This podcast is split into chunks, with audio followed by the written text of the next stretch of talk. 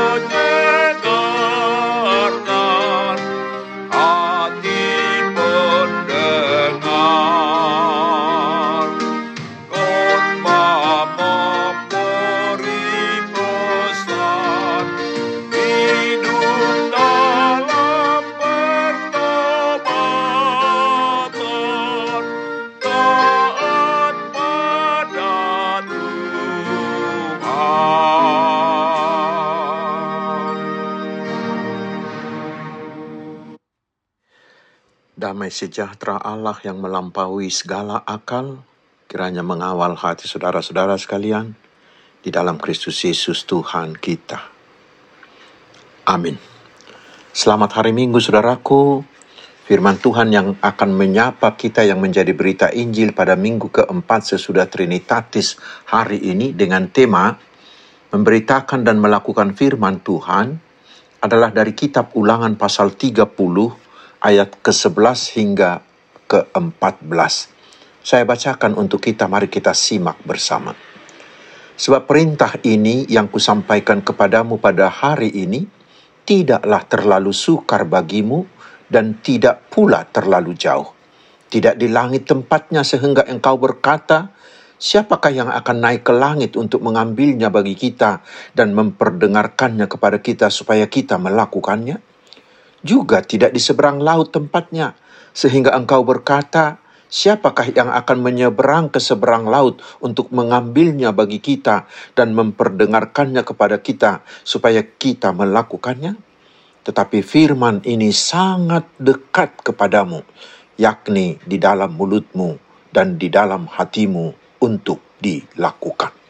Demikian firman Tuhan. Saudaraku yang dikasihi Tuhan Yesus Kristus, ketika Israel akan memasuki Kanaan, Musa memperhadapkan kepada Israel pilihan. Bila mereka mau taat melakukan perintah Tuhan, maka berkat Tuhan akan melimpahi mereka. Tetapi sebaliknya, bila mereka memilih melalaikan dan meninggalkan hukum Tuhan, maka kutuk Tuhan akan membinasakan mereka dan Musa mengajak Israel agar mereka memilih kehidupan berkat yaitu hidup mengasihi Tuhan dengan menaati melakukan semua perintah Tuhan. Dan Musa meyakinkan mereka bahwa melakukan perintah Tuhan bukanlah hal mustahil, tetapi pasti bisa. Karena firman Tuhan itu bisa dilakukan oleh orang biasa seperti kita. Tidak menuntut hal-hal yang di luar kesanggupan manusia. Firman itu juga tidaklah jauh, tetapi firman itu sangat dekat dengan kita, karena Tuhan telah memberikannya melalui hambanya. Dan sekarang, firman itu sudah menjadi daging di dalam Tuhan Yesus dan sudah ada di antara kita, bahkan di dalam kita. Yohanes 1 ayat 14. Firman itu sudah ada di mulut kita. Israel sudah menghafalkannya. Juga kita sekarang bukan hanya mendengarnya, tetapi sudah memperkatakannya melalui pembacaan Alkitab, melalui nyanyian atau kesaksian. Karena itu, saudaraku, bila masih ada orang Kristen yang tidak mau melakukan firman Tuhan, letak masalahnya bukanlah karena tidak bisa, tetapi karena tidak mau.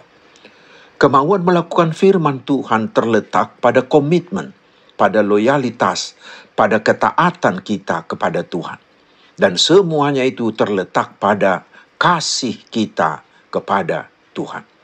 Bila kita mengasihi Tuhan, pasti kita akan taat setaat-taatnya melakukan firman-Nya.